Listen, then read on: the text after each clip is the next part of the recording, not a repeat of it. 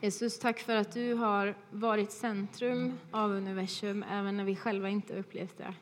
Kom och var centrum eh, för den här predikan. Öppna våra hjärtan att ta emot det du vill säga till oss. Ehm, ja, låt det få bli till din ära och för, till vår tröst och uppmuntran och utmaning.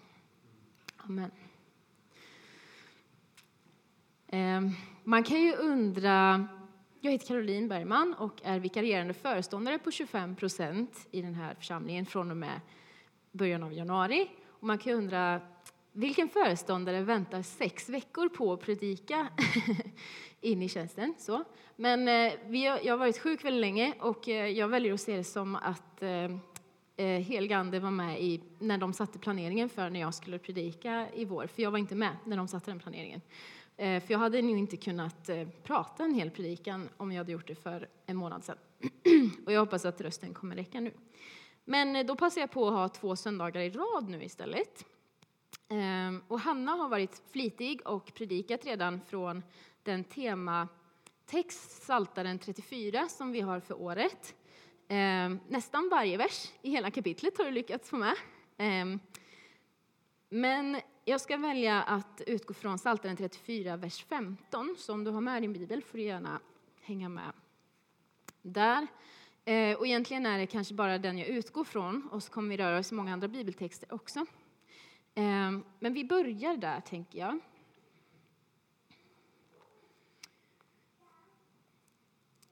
Saltaren kapitel 34, vers... Ja, vi börjar faktiskt i vers 13. Är du en människa som älskar livet och vill se goda dagar? Jag kan ta 14 också. Avhåll då din tunga från det som är ont, dina läppar från att tala svek. Vänd dig bort från det onda och gör det goda. Sök friden och jaga efter den. I en annan översättning står det sträva efter att hålla fred. Ehm. Och det här kommer bli en predikan som är det blir som en predikoserie i två delar. Där idag kommer handla mycket om det goda arbetet, att göra det goda. Ehm, um, Medan nästa söndag kommer handla mer om vila. Och jag ömmar för dig som känner att tanken på arbete bara får dig att vilja kräkas just nu. Kanske att du har blivit sjukskriven nyss, eller vad vet jag vad du står i. Och jag hoppas att den här predikan inte ska bli en börda utan till en uppmuntran. Men utmana dig också att komma nästa söndag eh, och kanske se om jag lyckas nyansera det jag säger idag nästa söndag. Eh, så kan vi prata om det då. Å ena sidan känns ju arbete och vila som ett väldigt uttjatat ämne, eh, kan jag tycka ibland. Man blir trött bara man hör det. Å andra sidan så känns det också som att vi, vi lär oss aldrig hur man gör för att arbeta och vila lagom och få liksom balans. Eller hur gör man för att inte gå sönder eller gå in i den berömda väggen? Ehm, eller hur gör jag för att känna mig tillräcklig? Vi har som sagt Psaltaren 34 som tema, men vi har också ett visuellt tema, om man vill kalla det så, eh, om ax, som är grundat i två berättelser om Jesus. Den ena handlar om sabbat, vila, eh, och det andra handlar om en annan typ av axscen där eh, det finns väldigt mycket arbete att göra. Eh, och jag tror att vi kan få smaka både på arbete och vila och genom det få se och uppleva Guds godhet. Så vi kan ta nästa bild. Um, är det någon som känner igen det här, den här slogan? Uh, jag tycker jag ser ganska många församlingsmedlemmar på vårt fina gym STC, det nybyggda. Och de har en slogan som heter Do more, be better. Alltså gör mer, bli bättre. Eller var bättre. Och eh, det finns väldigt mycket lärorikt från gym och träningsvärlden som eh, så går att applicera på det andliga. Och jag går gärna till STC, men jag och David har reflekterat över det här. Jag vet på gamla STC så har de verkligen en hur stor sån text som helst det första man kommer in och ser typ på väggen. som kommer och att vi kan typ känna att så här, det finns inget mer omotiverande att mötas av än den här texten. Inte ens liksom en solig vårdag när man har hunnit baka bröd innan klockan åtta på morgonen. Eh, och jag förstår, vissa kanske tycker det känns motiverande, men att för mig är den här texten bara pushig. Att försök mer så blir du bättre och det funkar ju till en viss del, men samtidigt så blir det också mest bara en press i det hela. Ehm, och ändå, även om jag känner att det här är så sjukt omotiverande, så lever ju jag och många med mig precis så här. Ehm, särskilt i Sverige. Jag älskar att maxa varje dag så mycket jag kan. Jag älskar att sova, men jag ogillar starkt att avsluta dagen på kvällen. Så vi är ofta uppe alldeles för sent. För att man kanske kan göra någonting mer. Sen är det inte säkert att man gör någonting bra av de sista timmarna på, på dygnet. Men eh, ja, då kanske jag känner mig lite bättre. Och, men den här drivkraften tror jag kan vara väldigt förrädisk, både liksom i det allmänna livet men även i kyrkan. Gör mer så är du bättre. Ehm, det är väldigt lätt att hamna där en så här, hobbyanalys av liksom, nutidens samhällsvärderingar kring arbete tycker jag ser att vi har å ena sidan faktiskt en positiv rörelse av där människor börjar känna att så här, Nej, men jag ska nog gå ner i arbetstid för jag värderar annat än att jobba 100 procent och, och, att min partner jobbar 100 procent. Livet handlar om mer. Ehm, man, man har en omvärdering av tid. Ehm, men så har vi också den andra liksom riktningen där man ska maxa allt då. Maxa karriären, maxa fritiden, maxa, maxa, maxa. Do more, be better. Ehm, fast man ska helst inte kanske maxa då eh, värden som är omätbara. Utan det ska vara mätbara värden som man ska maxa. Så helst inte liksom relationer eller sånt som ehm, inte ger pengar eller ja, men kyrkan. Det tar man gärna bort det första man gör kanske. Um, och den tredje jag tänker på är, förstår mig rätt, med signalpolitiken. Att det som syns och det som märks och det som ser gott ut nu och på ytan. Vi vill ha snabba svar eh, från politiker, från eh, ledare på olika sätt. Och Eh, de har ett stort ansvar och vi ska kunna ställa mot väggen. Men ibland kan jag känna med politikerna när de sitter där och har liksom en halv minut på sig att ge svaret på en av liksom, våra tids största frågor som kanske tar tio år att ta sig igenom. Men, men i vårt samhälle så är det liksom, syns det inte så finns det inte. Ser det inte gott ut nu, då är det inte gott alls. Ehm, man har ingen, liksom, tå, inget tålamod till att det kanske behöver ta lite tid. Ehm, är man uppvuxen i kyrkan så vet man att det är ett litet annat sätt vi oftast jobbar på här. Man vet att godhet görs oftast kanske bakom kulisserna. Ehm, riktiga hjälpinsatser tar tid. Ehm, förändring tar tid. Och ofta är det ganska okreddigt att vara med i en ideell förening eller en kyrka där man ger mycket av sig själv, men man får inte så mycket kanske beröm eller pengar för det. Eh, credden, uppmuntran kan utebli. Men det finns även en frestelse i kyrkan, tänker jag, att man mer och mer vill göra det som syns utåt vara bra, för man vill verka trovärdig. Man vill verka liksom, ja men, det vi gör är bra, tro oss liksom. Ehm, men jag tror att det finns fällor i det att, att hamna i, när det för mycket ska vara snabba resultat och det ska se bra ut nu. Ehm. Och det här lever ju vi i. Ehm, men jag ska inte säga att arbete är dåligt på något sätt. För jag tror eh, och vill lyfta fram arbetet som någonting gott idag. Eh, när jag tog studenten så skojade vi lite om att vi skulle bli arbetsfria, inte arbetslösa. Ehm, och det var någon slags förnekelse i det, eller tröstande tanke att om vi inte får jobb så eh, gör inte det någonting. Eh, och jag, vi behöver inte köra handuppräckning på vilka som varit arbetslösa, men jag har varit där en kort period.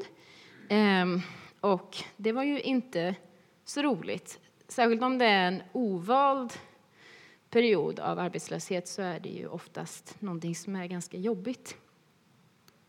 Eh, jag kan köra en handuppräckning på hur många det är som har sett tv-serien The Crown. Några. Det är en tv-serie som handlar om den brittiska kungafamiljen under eh, drottning Elisabets tid som regent. Ehm, och där får man följa familjen på ett nära håll och det är klart att vissa grejer är ju lite tillspexade säkert för att det ska se spännande ut. Eh, men i alla fall så får man följa även drottning Elisabets syster som hon går ner sig totalt, liksom, eh, mentalt eh, framför allt. Och att mycket verkar handla om att hon, hon till och med bönar och ber vid flera tillfällen om att få ett jobb, ett uppdrag, ett syfte. För en, hennes enda syfte i den här familjen är att vara en kunglig och eventuellt behöva steppa in om någon skulle dö eller sådär. Men att för hennes, hennes tillvaro blir så meningslös när hon inte har ett syfte, inget uppdrag. Och det gör att hon går ner sig något så otroligt. Och jag tänker att det är skillnad på att vara arbetslös, kan ta nästa bild, och att vara meningslös. Men att våran, det är en fin, hårfin gräns ibland, där vi ofta kan känna om man är arbetslös eller säg sysslolös, uppgiftslös, att man kan känna sig ganska meningslös. Ehm, särskilt om man är i det en lång tid. Och delvis tror jag att det har att göra med samhällets syn på arbete. Vi ska bidra för att vara värda någonting. Är du flykting får du inte stanna om du inte bidrar. Ehm, men om du bidrar, då får du banne inte åka härifrån. Ehm, du är vad du gör do more, be better. Men evangeliet säger att Jesus har gjort och därför är du värdig. Du behöver inte göra varken mer eller mindre för att ta ifrån att du har en plats här, en viktig plats eh, som ingen kan ta ifrån dig. För Gud vill dig på den här jorden oavsett om du känner att du lyckas eller misslyckas med saker. Och Jesus gör det möjligt. Eh, Sen tror jag också att Gud har lagt ner ehm, något i oss som gör att vi har en inre drivkraft att vi behöver tillföra. Och jag kommer till det snart. Men jag vill ta ett exempel. Jag har glömt att fråga om det är okej. Okay. Men eh, min mamma har varit sjukskriven under en väldigt stor del av min uppväxt. Så som jag minns den. Och eh, det finns ju såklart väldigt mycket nackdelar med det. Och jag tror att hon kände sig väldigt begränsad av det. Men det betyder inte att hon har varit en dålig människa eller lärjunge för det, eller att hon har varit meningslös på något sätt, för hon var ju jätteviktig för oss barn. Eh, vi värderade ju inte henne som meningslös för att hon inte hade ett yrke längre. Det var ju jättemeningsfullt att få ha en mamma hemma, dessutom kanske mer än vanligt än andra. Eh, så arbetslös, ja. Sysslolös, sysslolös, nej. Det var hon nog inte när hon var hemma. Eh, men jag tror att vi är skapade till att arbeta, till att engagera oss, till att bidra oavsett om det är avlönat eller inte. I Första Mosebok kapitel 1 ehm, och kapitel 2 jag ska slå upp där så att jag har det med mig. Där får Eh, ja, människan bli till och skapas, men hon får också lite uppdrag. Delvis så säger Gud att hon ska få råda över skapelsen, alltså ansvara för. Hon ska få odla, alltså vara med och medskapa. Och hon ska få bevara skapelsen, alltså ha omsorg om lustgården. Ehm, och Adam får till exempel uppdraget att ge namn till olika djur. Och det var ju någonting som Gud inte behövde människan för, om ni förstår mig rätt egentligen. Men Gud ville att människan skulle vara med och göra det.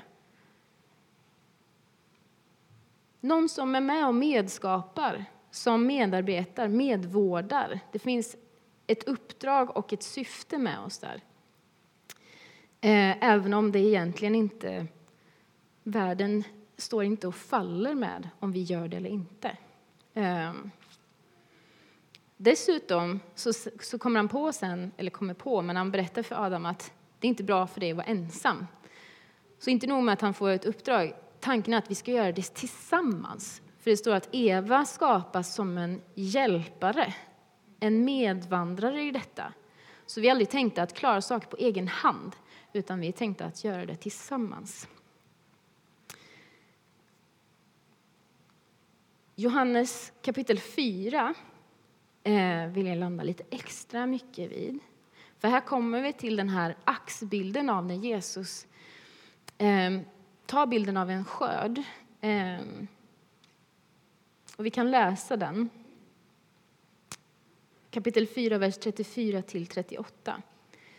Det är lärjungarna som lyssnar till Jesus när de har varit ifrån honom ett, ett tag. Eh, och Jesus säger, när de undrar om han vill ha någonting att äta, för de tror att han är hungrig. Min mat är att göra hans vilja som har sänt mig och fullborda hans verk. Säg inte att det är ännu fyra månader kvar till skörden. Men jag säger er, lyft blicken och se hur fälten har vitnat till skörd. Redan nu får den som skördar sin lön. Han samlar in frukt till evigt liv, så att den som sår och den som skördar kan glädja sig på samma gång. Ändå är ordet sant att en sår och en annan skördar. Jag har sänt er att skörda där ni inte arbetat. Andra har arbetat och ni har gått in i deras arbete.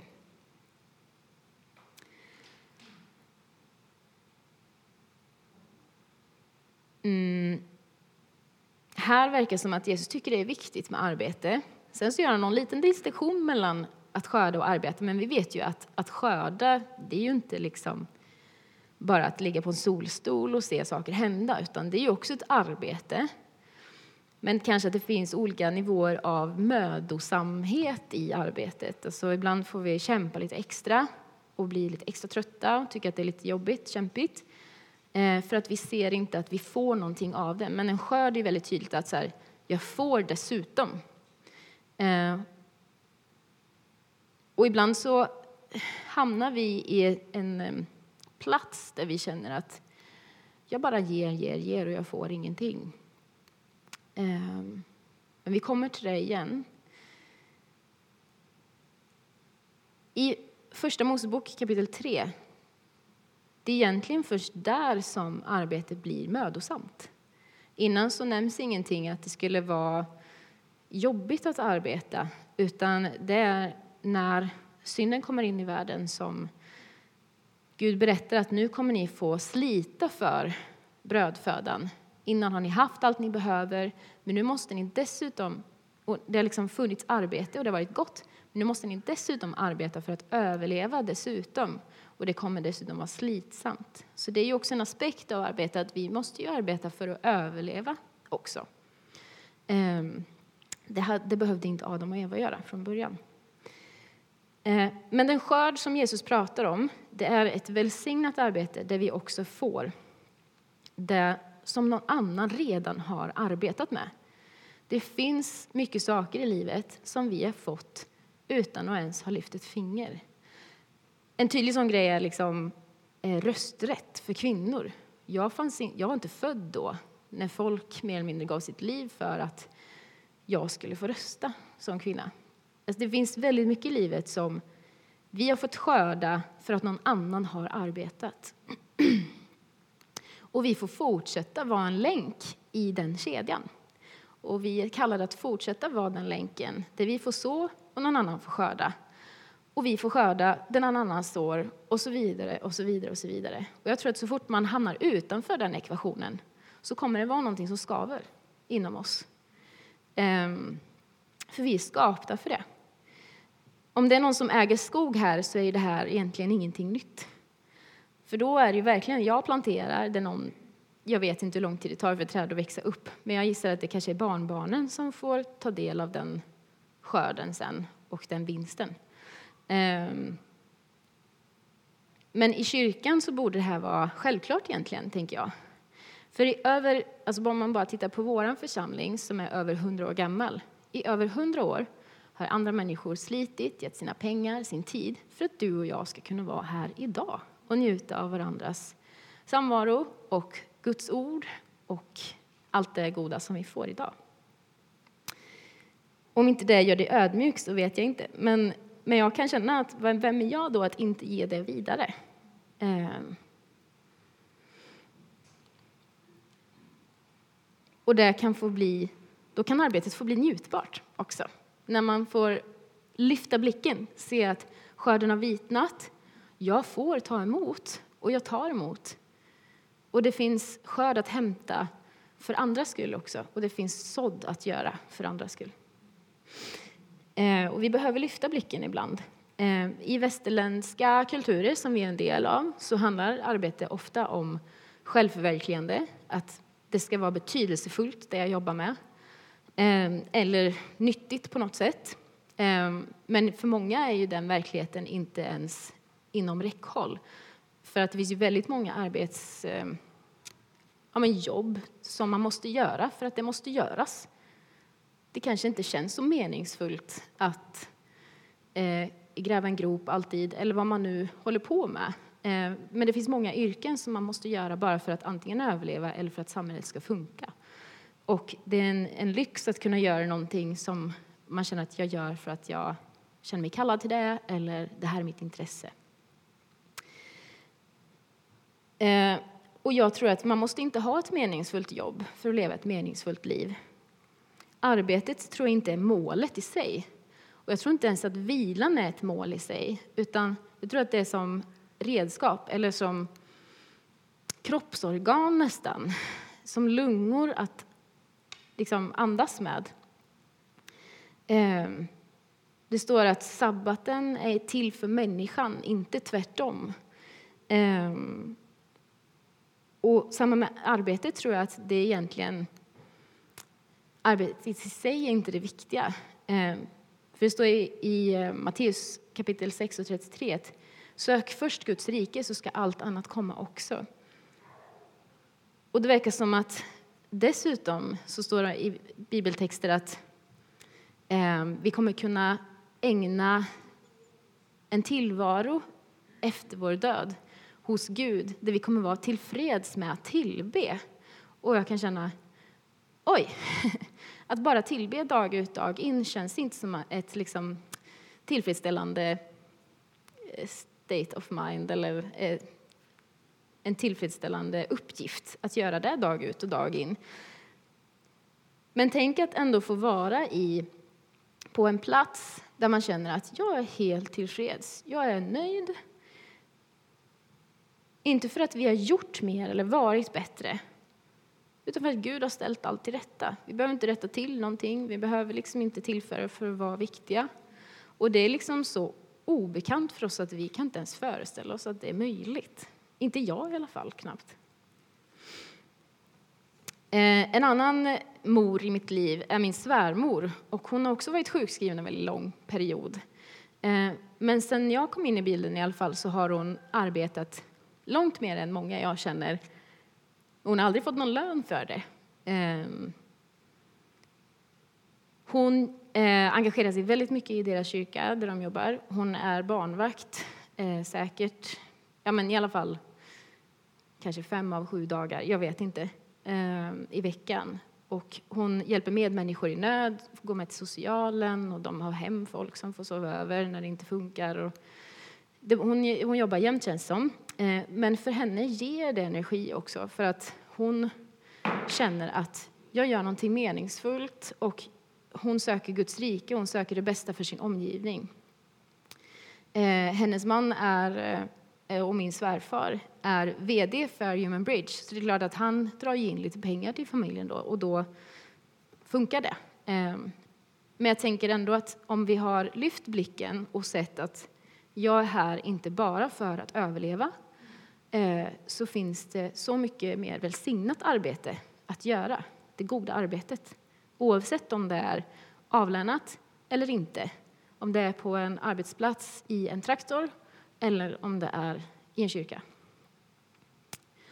Ehm, och jag tror att om vi ska liksom närma oss hur vi ska arbeta för att hålla och allt det här Ehm, så behöver vi också fundera på varför vi ska arbeta. Vad är syftet med min ansträngning? Ehm, och då har jag punktat upp detta lite pedagogiskt, eh, så vi kan ta den bilden. Jo, men delvis tror jag att vi har fått uppdraget, vi skapar till det, vi funkar bäst om vi inte bara sitter stilla. Eh, bara. Eh, man kan ju sitta stilla på ett kontor och arbeta, så du förstår vad jag menar. Ehm, men det här att min mat är att göra Guds vilja. Vi har ett ansvar. Ehm, jag har en vän som berättade en gång om att han kände sig så tömd på energi och tömd bara generellt. Och så var han på en gudstjänst där han egentligen kände att jag är i ett läge av att behöva ta emot. Men så kände han ändå att han kunde inte låta bli att när det bjöds fram till förbön så behövdes det förebedjare. Och att han kände att ja, jag ska vara med och be för andra. Även om han var i ett tillstånd där han kanske behövde ta emot. Men han gick därifrån så påfylld efteråt av att ha blivit använd. Av att ha blivit både då att han har fått känna att ja, men det här ska jag göra och sen utfört det. Så han fick bli påfylld samtidigt som han fick ge ut. Det behöver inte vara en omöjlig ekvation. Ehm. Och punkt två då är att skörden är stor och arbetarna få, som Jesus säger i Lukas kapitel 10. Eh, jag jobbar ju med en annan sak också. Jag är administratör för Pingstung Skaraborg. Jag har varit runt och hälsat på en del kyrkor i Skaraborg här i, i vinter. Och eh, det är faktiskt inte bara en kyrka, utan det är fler som upplever att vi har så mycket barn i vår verksamhet. Så mycket barn. Men det är ingen som kan ta hand om dem. Vi har jättemycket barn från samhället, barn som aldrig har talas om Jesus. Men vi har inga ledare. Och jag kan känna så här, dröm! Jag hade år ibland eh, i min ungdomspastortjänst innan jag gick hem på mammaledighet, där vi kunde vara en, två stycken på fredagarna. Vilma vet. Hon var en av dem som kom troget. Ehm, och det var jättevärdefullt. Men jag kunde ibland känna så här, Gud kan du liksom skicka några till när vi ändå håller på? För att det här känns som att det kunde vara mer meningsfullt om det kom några till. Eh, men då fick man bara hålla ut och komma ihåg att det är inte resultatet som är det viktiga alltid. Ehm, men, men för mig hade det varit en dröm att vi hade varit 30, 40, 50 barn. Eh, Medan de, för dem blev det liksom nästan ett problem för att det är ingen som... Man har bett och bett om att här, vi ska få nå människor, men när de väl kommer, då kan vi inte möta dem. eh, så det finns också ett, ett, en aspekt av att säga, jo, men, behoven är stora eh, och du behövs. Vi behövs allihopa. Eh, sen är det ju också det som jag lyfte från skapelseberättelsen, att det finns en gemenskap i att kämpa för någonting tillsammans. Ehm, och den som har arbetat axel mot axel med någon, och inte bara att allting har gått bra hela tiden, utan att man har faktiskt fått kämpa lite ihop också, vet hur mycket större glädjen är när man också känner att man lyckas. Och det skapas en gemenskap i det. Eh, intressant grej eh, som en liten passus är att otrohetstalen har ökat enormt sedan kvinnor kom ut på arbetsmarknaden. Och eh, det handlar inte om att kvinnor är boven i dramat, utan anledningen är att män och kvinnor umgås mer. Eh, på, arbets, eller på jobbet så jobb, man delar mycket tid ihop, man kämpar ihop, man arbetar tillsammans och det knyts band. Så det är inte liksom jättekonstigt att man då också kommer varandra nära. Arbete ger gemenskap. Och eh, den sista är för överlevnad, som jag redan har nämnt. Eh, ett mödosamt arbete kan det vara, men det är också viktigt. Så då utifrån att vi vet varför vi behöver arbeta på olika sätt så kan vi också ställa oss frågan hur. Och delvis så tänka att vi behöver göra det med ansvar och det tror jag att de flesta är bekanta med. Ehm, vi behöver se till att, att det blir av överhuvudtaget. Inte bara för min egen skull, utan också för Guds rikes skull, för andras skull. Men det andra är också att försöka göra med en lyft blick. Varför gör jag det? Ehm, vad är syftet med det jag gör? Ehm, men också, vad är min roll i detta? Är det min, är det min uppgift att rädda världen? Nej, det är ju inte din uppgift. Men du kan få vara med på ett hörn och bidra till att rädda världen.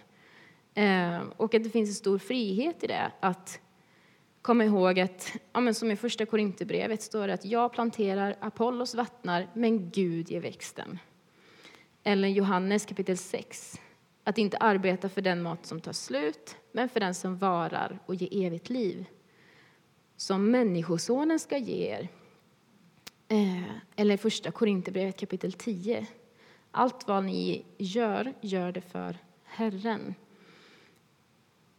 Det finns en frihet i att hitta sin plats i att inte vara den som har fulla ansvaret, men att få vara med och ändå vara viktig. Och att vi gör det tillsammans. Vi ska inte göra det själva, utan vi behöver varandra. Du behövs, jag behövs. Och som i första Timoteusbrevet, jag tror jag har en bild på det. Eh, det står försumma inte nådgåvan i dig. Du har gåvor i dig som du uppmuntras att inte försumma. Vad är försumma? Det är att slarva med, låta bli, åsidosätta, eh, negligera eller vanvårda till och med. Att du har saker nedlagda i dig och ta tillvara på dem. Eh, vad vill du ha för värld framför dig och vad vill du ha för församling att gå till? Vad är det du ser framför dig som du drömmer och önskar? Och vem ska göra det om inte du och jag? Och sen den sista då, att också göra det uthålligt eh, och hållbart. För ett mödosamt arbete kräver återhämtning och begränsningar. Eh, och där kommer ju min andra predikan in i detta, som kommer nästa söndag. Att vi också behöver återhämtas, vi behöver sätta gränser för att arbetet inte ska bli det som gör slut på oss, utan det som ger oss liv och mening. Att vi hittar den här rätta positionen, att veta att Gud är Gud och han är allsmäktig och mäktig och han är livets skapare och upprätthållare. Och jag är skapad, jag är älskad, jag är önskad, benådad oavsett resultat. Ehm, Jesus förlorade väldigt många lärjungar när det inte var så mycket mirakler längre, utan mer lära. När det inte alltid var så häftigt. Ehm, och där var det många lärjungar som fick utmanas att hålla ut och gå bredvid ändå. I Galaterbrevet kapitel 6 så står det låt oss inte tröttna på att göra gott. Ty när tiden är inne får vi skörda, om vi inte ger upp. Ibland behöver vi bara hålla ut. Och det behöver få ta lite tid. Vi behöver bara knega på.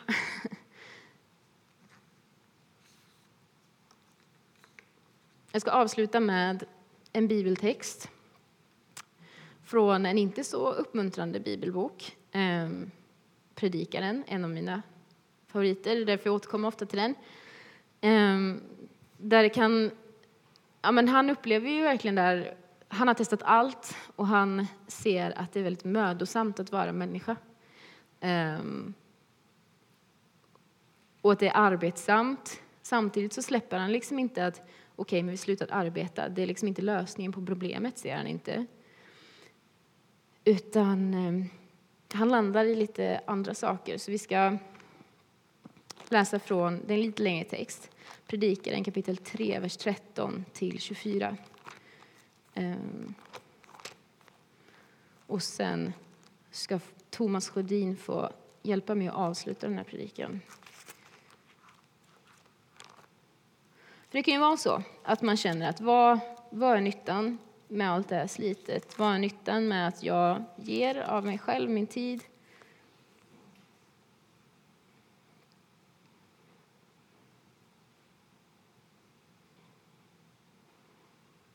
Vi tar från vers 17. Då säger han så här. Nej, jag tar det från den text jag har tagit här. Jag hatade livet, ty ont tycktes mig det verk som görs under solen. Allt är förgängligt och jagande efter vind. Jag hatade all min möda under solen. Åt den som kommer efter mig så måste jag lämna vad jag har gjort. Och vem vet om han är vis eller dåre? Ändå ska han få råda över det jag med möda och vishet har förvärvat under solen. Också detta är förgänglighet. Jag börjar förtvivla i mitt hjärta över all den möda jag gjort mig under solen. Ty om en människa som har arbetat med vishet och kunskap och skicklighet så måste hon ändå lämna sin del åt någon annan som inte har bemödat sig med det. Också detta är förgängligt och ett stort elände. Vad har då människan för all sin möda och sitt hjärtas önskan och allt sitt slit under solen? Ty alla hennes dagar är fyllda av plågor och bekymmer. Inte ens natten ger hennes hjärta ro. Också detta är fåfänglighet. Och här tänker jag att vi nog är många som kan känna igen oss i ibland. Eh, tomhet som kan uppstå av olika skäl. Och så avslutar han den här texten med att säga det finns inget bättre för en människa än att hon kan äta och dricka och göra sig goda dagar under sin möda. Jag förstod att också detta kommer från Guds hand. För vem kan äta och vem kan njuta oberoende av honom? Och där tänker jag en brygga in i nästa söndag. Ehm, vem kan göra detta oberoende av Gud? Vem kan slita så förgängligt utan att gå under? Ja, men det, alltså, Gud är hoppet, tänker jag. Men Thomas Godin sätter väldigt bra ord på det här. I, eh, jag har slagit upp mitt tält i hoppets land. Han säger det är en befriande tanke att starta sin dag med att man inte kan eller behöver ha inne, inneha huvudrollen. Den är redan upptagen av den Gud som vill överösa oss med barmhärtig omtanke. Den bästa platsen i tillvaron är den där Gud får inneha den främsta platsen. När man lägger sitt liv, sitt hjärta och sin dag i Guds händer är man det Gud vill att man ska och på den plats där ens egen djupaste vilja får chansen att förverkligas. Att denna plats finns är helt och hållet hans förtjänst, 100 procent.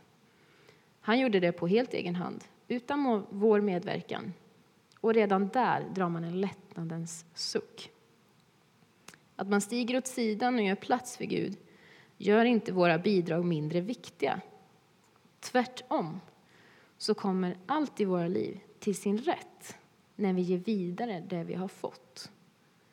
Vi vet inte vad vår dag kommer rymma, men om vi öppnar våra händer och håller dem öppna så kommer Gud att fylla på med allt det vi behöver och allt vi är tänkta att vara kanaler för.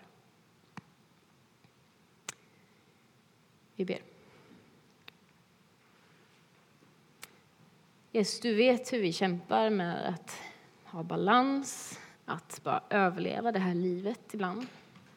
Att det ibland kan kännas meningslöst och ibland fullständigt underbart. Hjälp oss att ha ditt namn i centrum för våra liv. Så att vi hamnar på rätt plats. Tack för att du vill oss, att du har eh, ett syfte för oss här. Att vi kan få känna värde i det. Men att oavsett hur resultatet blir, hur mycket vi tycker oss lyckas eller misslyckas, så får vi vila i att du är den som gör det värdefullt och du är den som ställer saker till rätta. Jag ber för den som kommer hit idag och känner tomhet över kanske ett förlorat uppdrag, en förlorad roll. Ehm, ja, du vet varför vi kanske känner tomhet idag.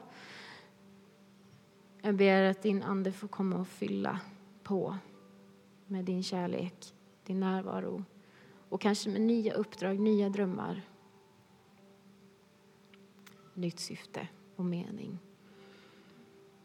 Mm. Tack för den som känner sig inspirerad. Jag ber att du bara ger mer vind under vingarna till den personen.